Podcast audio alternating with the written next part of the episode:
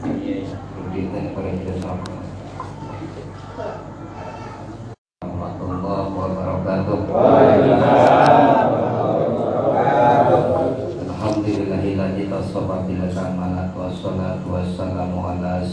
Muhammadin mu'jizat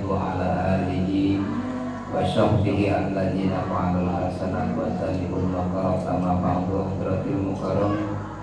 para orang tua kami, para sesepuh mudah-mudahan kita doakan orang tua kami diberikan kesehatan oleh Allah Subhanahu wa taala.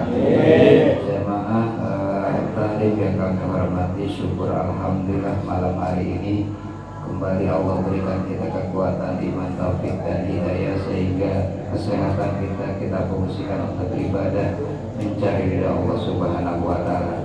Salawat dan salam semoga senantiasa dilimpah curahkan kepada junjungan kita Nabi besar Muhammad Sallallahu Alaihi Wasallam. Malam hari ini kita berada di penghujung bulan Syaban yang insya Allah saya akan meluruskan di mana sudah lama berkembang bahwa Islam itu memang asal muasalnya turun ke Jawa makanya kental sekali kebudayaan-kebudayaan Jawa yang masih beragam kepakai sama kita. Uh, bagaimana tentang yang sudah beredar berjalan di kita tentang Rebo Wakasan itu yang harus kita luruskan dan kita cermati. Jadi innallaha inda zanni abdi. Gusti Allah mah tergantung bagaimana sangkaan hambanya ketika sangkaan hamba terhadap sesuatu ditakdirkan dipuntangkan Gusti Allah baik perintahnya baik. Tapi ketika sangkaan hambanya buruk akan terjadi buruk. Kecil saja apa yang sudah berbudaya di orang tua kita dulu. Jangan pindah ngidul naga lagi di sampai sekarang saya belum kenal naga ada barong saya karena udah yakin, udah yakin banget itu orang kita. Belum pernah ketemu lagi yakin. Kagak jadi minat gitu. Takut gitu. Mohon maaf itu orang tua saya, mungkin beliau masih pakai gitu. Nah, jadi kalau yakinnya udah mantap ya terjadi sesuatu yang kita sangka buruk. Tapi kalau kita enggak pernah yakin dengan hal itu, muafakat terjadi apa sebab sudah diyakini ada Allah. Nasib baik dan buruk manusia pasti ada niat Allah menciptakan adorat itu bukan semata-mata tidak punya tujuan. Pasti ada tujuannya. Nah seperti apa yang sudah membudaya rebuah kasar rebok terakhir di bulan Syawal padahal kejadiannya saat itu adalah ketika Nabi Lot habis diumbang ambing bawa puting beliung karena ulah Nabi di umatnya habis di tempat angin kebetulan pas tanggal terakhir dia bawa kasar. Jadi tidak ada yang mengganti. Ah Pak Haji saya udah biasa percaya. Mangga silakan. Silakan karena memang udah yakin kalau saya walaupun bertahun-tahun di tempat di mana karena saya tidak punya keyakinan seperti itu karena punya patokan. Kenapa? Itu sudah ditakdirkan sama Allah kita bakal celaka kita bakal sama sudah garisnya nah nggak usah. Jadi nggak usah pak tergantung tergantung menyikapi kita. Kalau kita udah yakin jangan coba-coba kan gitu. Tapi kalau nggak yakin nggak usah. Kan ada sholatnya. Mana itu? Siapa sih yang mengarang? Ulama muka siapa itu. Jadi wali muka siapa Allah itu ya. Wali musbir ada yang disebut wali abdar ada wali zuhir, ada wali batin, ada wali mukasyafah. Waliullah yang dibukakan bisa menerowong alam zakat raya dan tidak wajib untuk diyakini. Boleh, boleh, boleh aja. Kata ahli mukasyafah, di kasar itu akan turun 32 ribu macam penyakit. Ada penyakit COVID aja udah repot, kalau 32 ribu gimana? Gitu kalau bapak udah keyakinan kesangkut sama akidah kita. Jadi saya bukan melarang mangga saja tergantung keyakinan. Cuman dalam posisi ini saya tidak menganjurkan hal-hal yang tidak bersangkutan dengan ada dalam Al-Quran yang tidak ada hadis yang sahihnya tidak ada.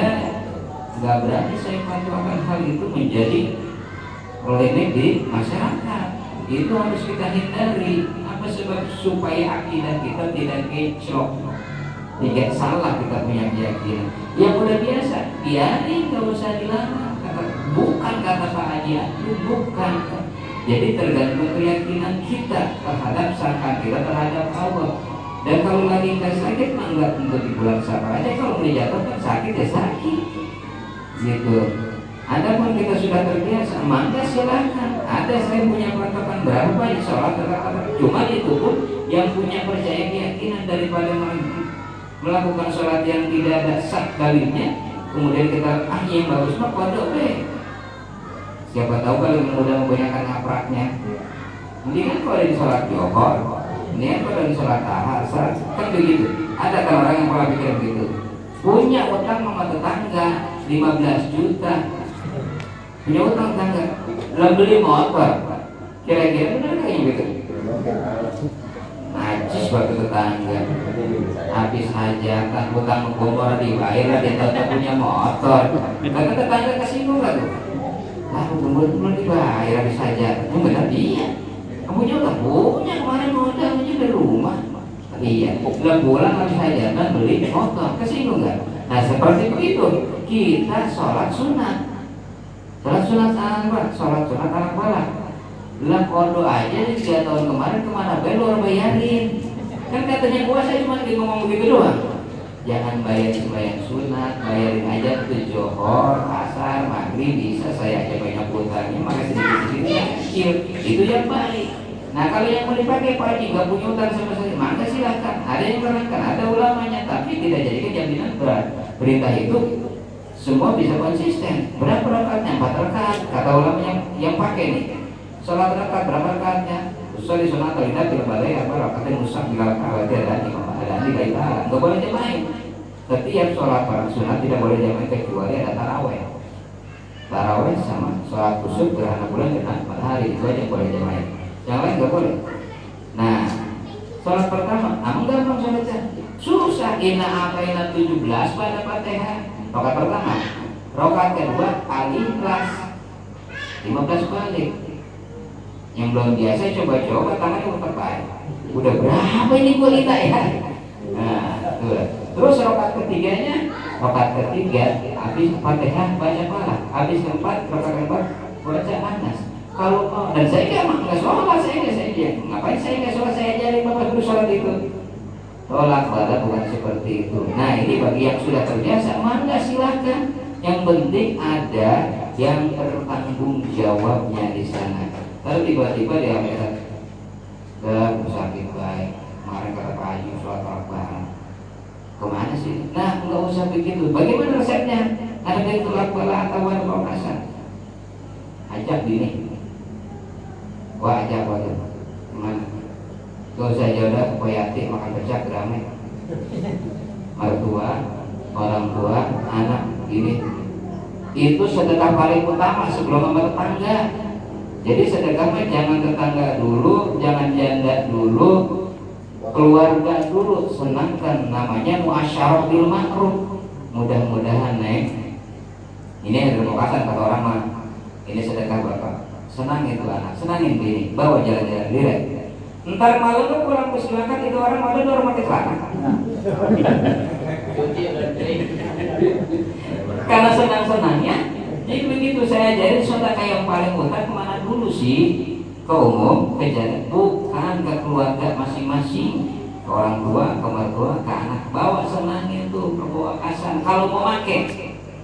Kalau mau make begitu. Ya tidak bilang bala aja bapak maaf takut sih mau dia mudah-mudahan kok nggak suka suka ada penyakit.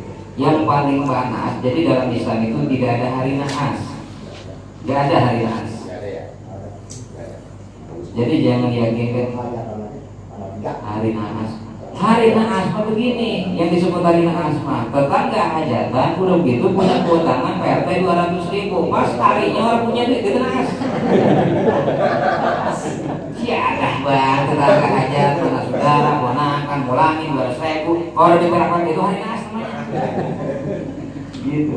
Jadi dalam Islam tidak ada hari nas walaupun dari jono pasti ada yang mengatakan oh jangan ini hari satu ini hari dari sebagian ulama saya ada sebagian kelompok terakhir di bulan-bulan musim itu ada nas jangan kita meyakini. Kalau kita yakin akan terjadi keyakinan itu. Makanya kita matangkan tauhid kita semua kodo baik dan buruk dari Allah itu yang harus kita imani. Rukun iman yang keenam percaya terhadap takdir baik dan buruk dari Allah. Ketika kita sudah percaya tentang itu maka tidak ada yang lain.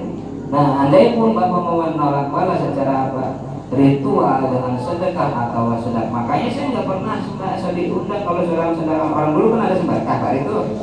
Nggak tahu mana yang wifi saya nggak tahu dan sudah kabar itu tiap berapa kan. Dan coba-coba mati ditabrak motor kan saya. Di Jumat ah, apa itu kalau nggak salah itu berapa kali yang muda dia orang awam ya gue kayaknya diatur sama orang awam apa sih. Ya suruh siapa pengen sedekah baca buku masih ada yang begitu. Di zaman ada itu tua? Di mertua saya. Orang boleh naik perapatan. Kalau kasar pengen gelar tiga p selamatan. Makanya daripada tabrak motor selamatan di pinggir jalan yang mendingan undang tetangga saudara atau anak dan keluarga itu aja. Masyarakat maksud ma'ruf namanya wa asyiruhuna bil ma'ruf. Memang itu diperintahkan sama Tuhan. Dalilnya ada. Masalah di mana senangi beliin baju raja romo ada ke mana? Gak usah dipikirin vaksin dan belum yang pentingnya duit. Belum punya vaksin baju udah berani mau gak gampang. Saat pengkasih aja cepet udah bisa liwat beres. Nah itu jadi akidah kita harus matang. Jadi yang harus kita percaya iman kita kodo dan kodar pada Allah subhanahu wa ta'ala. Nah kedua Bagaimana ya Pak Haji yang mudah percaya? Jangan dilarang, biarin. Dalam hukum Islam, setiap yang tidak ada dalil yang melarangnya itu boleh dilakukan. Itu konsekuen. Dia melakukan tahlilan, melakukan zikir, tapi nggak ada dalil Al-Quran yang melarangnya, boleh, boleh saja. Sama seperti puasa, dia mau puasa, mau tolak bala, dia mau sholat ini, tapi tidak ada dalil yang jangan sembahyang atau jangan sembahyang tolak tapi nggak ketemu di dalilnya dari Al-Quran dan hadis dan sebagainya nggak ketemu di korek-korek. Mangga mangga aja silakan. Jadi bukan mempersilahkan. Boleh tapi bukan dalam konteks menganjurkan. Gitu. Jadi kalau bertanya Pak Haji berarti nggak pakai nggak pakai nggak pakai saya. Tapi dalam bukan dalam konteks saya melarang. Ustaz Nabi jamaahnya maka silakan. Yang penting tidak ada dalil yang melarang Selama tidak ada dalil yang melarang kayak begini, mulut dan itu di zaman kanjeng Nabi nggak ada. Nah, sebelum kanjeng Nabi nggak ada peringatan. Padahal udah lahir kanjeng Nabi sampai umur kanjeng Nabi 63 tahun kan namanya disebut hari kelahiran kanjeng Nabi. Apa pernah kanjeng Nabi ulang tahun? Tapi karena konteksnya baik dan tidak dilarang sama kanjeng Nabi, mangga-mangga saja silah silakan saja. Terus ada tetangga kita yang akan yang ulang biar dia mempunyai dalil yang lain. Yang penting kita sudah punya keyakinan matang bahwa ya orang yang mengagungkan kelahiran kanjeng Nabi dan kanjeng Nabi punya jaminan akan berikan syafaat kayak begitu.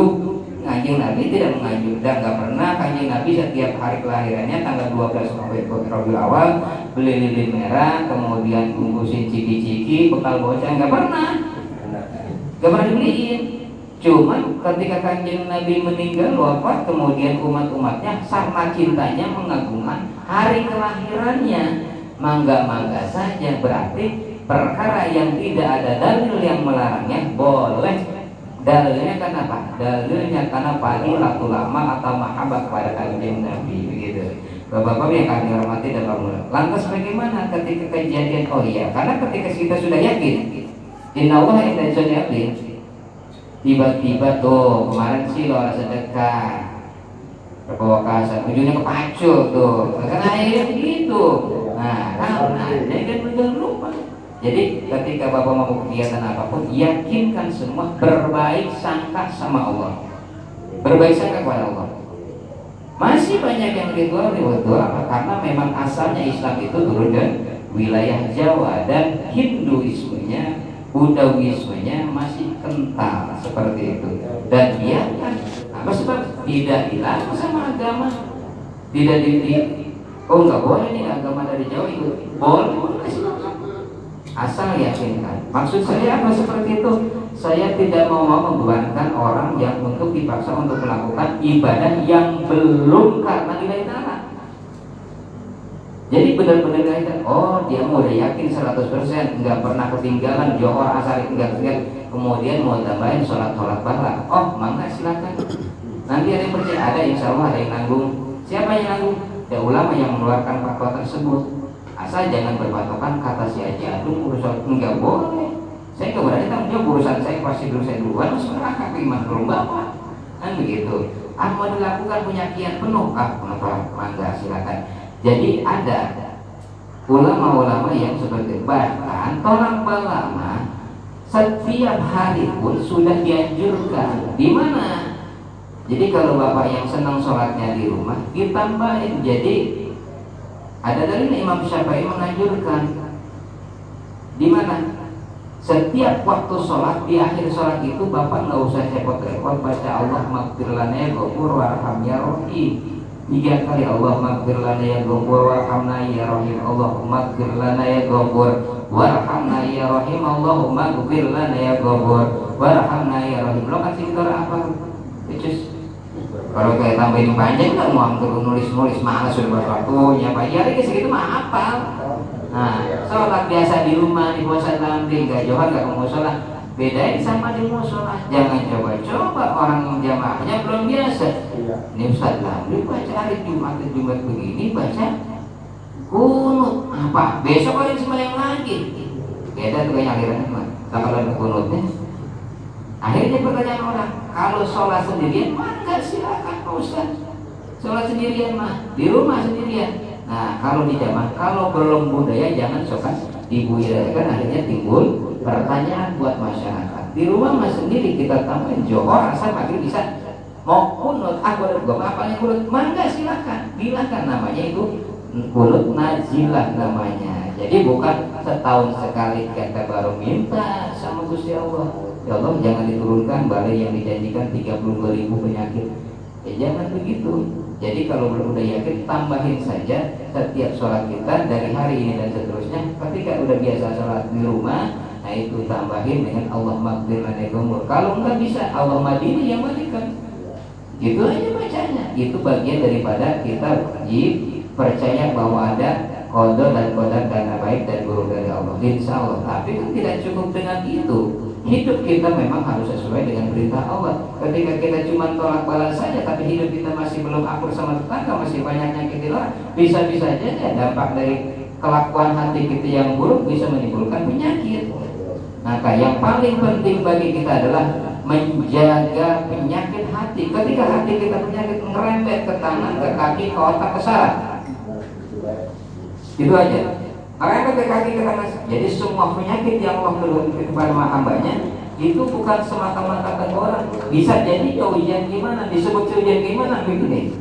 Ini orang sholat, puasa gak ketinggalan, sedekah rajin, kok dia kasih sakit. Nah, berbaik sangka sama Tuhan. Berbaik sangka kepada Allah Karena sayangnya pengen tahu buat kasih dia sakit Itu tetap sholat lihat Cuma itu Nggak ada tujuan penyiksaan Nah itu kita mengatakan seperti itu. Nah makanya lebih baik kita tafakur terhadap Allah, terhadap kekuasaan Allah. Kita pikirkan berapa tahun? 32 tahun Ashabul Kahfi tidur nggak bangun-bangun. Coba kalau kita pikirin.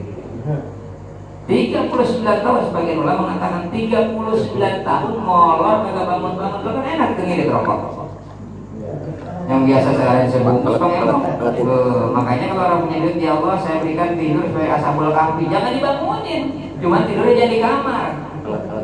Dibuat gitu. Nah itu Allah tidak memerintahkan kita memikirkan hal yang sedalam itu. Kata Gusti Allah tidak malu menciptakan makhluk yang hina menjadikan contoh yang jolim nah, contohnya nggak usah gede. Nyamuk aja kita pikir ini kalau kita mikirin nyamuk itu Tapak karufi jadilah Tapak karufi halkilah Khairum min ibadah di sanatin Memikirkan kekuasaan Allah Jauh lebih bagus daripada ibadah sebetulnya. Di mana pikirin iya. Itu nyamuk makhluk paling kecil. Di dalamnya ada jantung, ada hati, ada liver, kemudian ada kuman juga yang berwati nyamuk. Kemudian bagaimana menelurkannya, kemudian mengembangbiakannya, kekuasaan Tuhan. Makhluk sekecil itu semuanya lengkap. Ada jantung ada jadi kita mikirin itu kayak gitu. Karena dianggap sepele kita nggak mikirin. Cuma beli baygon. Paling beli minum kayak begitu. Padahal kalau kita pikirin kekuasaan Allah masya Allah itu makhluk paling kecil paling gak dihargai manusia bahkan yang ada jadi musuh. Padahal dengan makhluk itu tidak sedikit orang-orang Cina yang kaya gara-gara nyamuk Zaman Pak Haji di yang punya pabrik baik Orang Cina yang punya Bayer Orang Jerman. Yang punya itu orang Jerman. Karena apa? Cuman gara-gara nyamuk. Makhluk Allah yang kecil Nah itu aja kalau kita Iya ya Makanya kita ambil positifnya saja. Semua yang Allah ciptakan. Tidak ada yang tidak ada manfaatnya. Semua bermanfaat. Cuman yang menjadi permasalahan karena kebodohan, keterbelasan kita, keterbelakangan kita terhadap pengalaman tersebut hingga kita tidak menganggap sesuatu itu bermanfaat. Kayak sekarang, dulu saya yang dia melihat kelor. Sekarang pakai rumah depan rumah saya, beli kelor, buat obat gula, buat stroke, asam urat. Ya bisa orang komplek dilapin. Waktu begitu bertanam juga sampai sekarang itu kan ngembang-ngembang sorban RT ada yang nyari batang melon buat apa? Buat apa? Itu coba bayangin. Setiap yang Allah ciptakan pasti ada manfaat. Cuman karena keterbatasan pengetahuan kita kita anggap tidak berharga. Gitu. Sampai ada. Teh celupnya daun kelot apa tidak membuatkan orang simse kan itu kan? Nah kita berpikir seperti itu. Makanya diperintahkan dalam agama yakinkan keimanan kita kepada Allah berbaik sangka kepada Allah ketika sudah berbaik sangka tidak akan berbaik berburuk sangka ke tetangga sialan bang bojo yang kelihatan sikap mereka gua kurang mereka mau orang akun terus ya itu bukti yang nyata kita nah itu motor gua hilang tuh jadi mulai begitu kalau orang berbaik sangka kepada Gusti Allah. Gak mungkin takdir dari Allah. Nah, itu makanya kita harus benar mantap iman kita kepada Allah Subhanahu Makanya Allah katakan kita iman kepada Allah. Yang wajib kita imani ada nah percaya satu kepada Allah. Sebuah iman itu yang pertama. La kalau fardan la misalahu Tidak ada bandingannya Yakinkan tidak pernah kita Jangan pernah dipikir dalam hati kita di mana Allah Ke mana Allah Dan seperti apa Allah. Itu yang paling di dalam dalam tauhid. Cuma diberitakan sama kita yakin. La awala li wujudihi wa la akhira li abariyatihi qayyumun li nafsihi abadan wa yubari amadan. Jadi punya keyakinan bahwa Allah itu ada dan pernah pernah ada di benak hati kita di mana sekarang Gusti Allah itu. Oh kamu ini Pak itu kita suka berdoa pada mendadak ke atas. Itu menunjukkan bahwa kita bahwa Allah yang maha tinggi. Maha tinggi itu kan bukan berarti ada di atas jadi dekatnya Allah sama seperti jarak tangan kita kepada dua tangan kita. Dekatnya kepada hambanya. Di mana hamba yang mana? Hamba yang semakin setiap hari dekat sama Allah. Tapi ketika hambanya sendiri jauhnya sama Allah, makanya jauh lebih jauh daripada tujuh lapis langit jaraknya. Jadi pengen dekat sama yang kuasa kontennya cuma satu, dekatkan diri kepada Allah. Maksud daripada dekatkan diri kepada Allah, takor kepada Allah secara hisya bukan jasad dengan kita biasanya namanya cuma Gusti Allah nah terasa dengan dekat diri kepada Allah dengan apanya dengan kita berbakti atau berzikir kepada Allah. Saya kasih contoh yang real. Yang real sekarang gampang yang lainnya kita punya pacar pepotongan atau punya bekas. Jauh banget tadi Surabaya Pak Jari jauh dari bisa dekat dengan kecanggihan teknologi. Bukan sekedar suara. Visualnya bisa terlihat dengan kita itu bagian daripada tauhid kita. Nah itu dekat secara hisiah tapi bisa terlihat apa? Sama kedekatan kita sama Allah tergantung kita bagaimana ibadah kepada Allah. Enggak ada yang melihat enggak ada yang merhatiin. Karena kita yakin bahwa gerak gerik kita diperlihatkan dilihat sama Allah maka terasa dekat kita kepada Gusti Allah. Makanya jangan dilihat oh iya ngaji gua karena nggak enak karena Haji Ali karena dia kalau malam Jumat datang gaji gua nggak enak apa aja usah Lambi karena malam sore datang. Ketika itu pola pikir yang berkembang lagi salah. Maka kan salah apa sebab? Akan terjerumus kita bukan ke surga terjerumus ke neraka kita. Makanya mukhlis nanti ketemu di bab kita. Mukhlis itu ada dua ikhlas itu ada dua. Ikhlas karena lillahi ta'ala ikhlas mengharap pahala. Gitu ya ah ini ikhlas lillahi ta'ala hanya pangkat wali nggak ngarep surga ngarep neraka. Gue mau mati di banyak puasa masuk neraka maka surga. Gila kayak gitu pangkat wali. Kita berharap ikhlas yang kedua mana? Pengen dapat pahala. Itu dipersilahkan namanya. Rajin ngaji senang kemas Jumat. Nah kan apa sih? Karena memang harap ganjaran dari Allah Subhanahu Wa Taala. Nah nanti jangan disebut-sebut efek dunianya nah itu namanya mukhlis sudah mulai. Nanti kan dibagi-bagi golongan siapa yang akan terima duluan ke surga? Golongan mukhlisin. Di antaranya golongan yang ikhlas kepada Allah Subhanahu wa semua gerak gerik hidupnya semua dilakukan. Makanya maknakan sholat kita inna sholati wa nusuki wa mahyaya wa mamati lillahi rabbil alamin. Itu jangan sampai di sisa doang tapi harus nyerap ke hati. Jadi kalau ikrar kita yang sehari lima waktu sudah nancap kalau hati kita Gak bakal kita punya sangka orang lain. Gak bakal kita buruk sangka sama tetangga. Semuanya kita pasarkan kepada Allah Subhanahu mati hidup semua dipasang yang kuasa kan begitu. Nah itu insya Allah hati kan Kok kenapa yang sholat rajin tapi masih buruk sangka, hasut sama tetangga, kemudian masih iri? Eh cuma saja lisan sholatnya. Padahal ikrar itu kita ucapkan sehari lima waktu dalam orang Islam. Nah, seperti yang kita lakukan seperti di kejadian ya kita nggak bisa bagaimana-mana ya terus saja perkembangan yang sekarang. Karena memang dikelola oleh pemerintah atau pemimpin kita nggak bisa pemerintah. Ya aja. Nanti juga ada waktunya dia berusung sendiri dia hilang sendiri. Kayak begitu. Saya ingat waktu itu jalan uh, flu berusaha biarin aja nanti juga sendirinya hilang sendiri malu sendiri. Malu sendiri biarin aja. Kita mah ya wajib sebagai rakyat itu wajib patuh taatin aja. Seburuk-buruk pemimpin kita wajib kita patuh dan taat kepada pemimpin kita. Itu dia konteks dalam Islam. Tidak boleh kita membangkang sebagai pemimpin. Oh jadi percaya?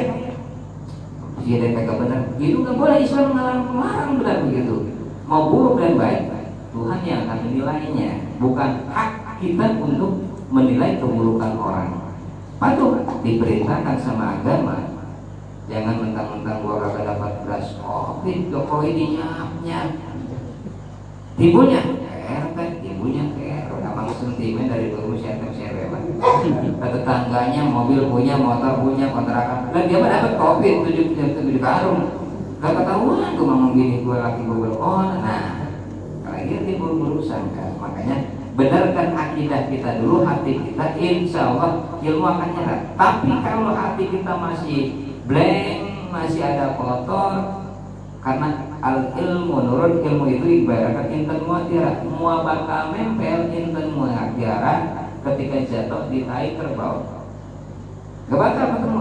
Cahaya mualimu mau mana nah bersihin hati kita nanti akan nancap ke mana? Hati oh benar benar iya benar benar nanti akan ketemu sama kita. Pelajaran hari ini saya ajak kita bertauhid yang benar tentang hari Rabu Wakasan. Kita berbaik sangka kepada Allah. Andai pun sudah jadi kebiasaan mangga saja silahkan tapi jangan mencemoohkan dan jangan melarang. Udah biasa bagi di RW saya mah RW saya mah ibu-ibu mah paling rajin. Abang paling rajin ibu-ibu mah sedekah. Tapi paling dulu dia masuk nerakanya karena bodoh Nah paling banyak siapa? Ya ibu-ibu bukan bapak-bapak. Bangga juga bapak-bapak. Nah begitu. Paling banyak ibu iya. Kenapa? Dan dia paling rajin sedekah. Paling banyak ngomongin orang. Baru pulang pandangan. Belum sampai dua langkah rumah orang.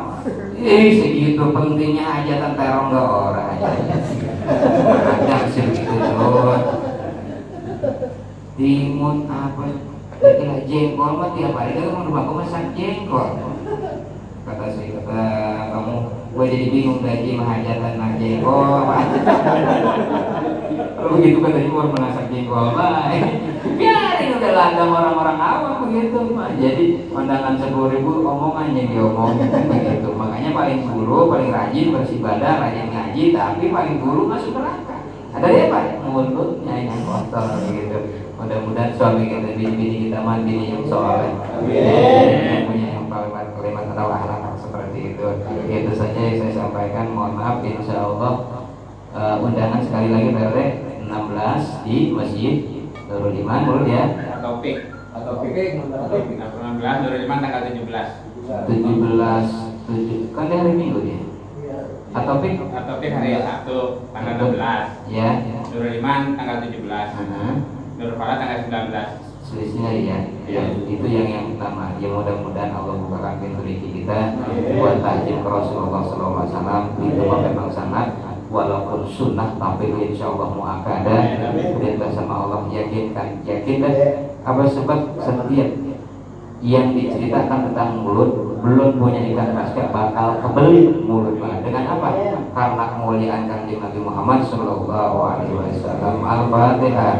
Alhamdulillah Bismillahirrahmanirrahim. Bismillahirrahmanirrahim. Alamin maliki yaumiddin. Iyyaka na'budu wa iyyaka nasta'in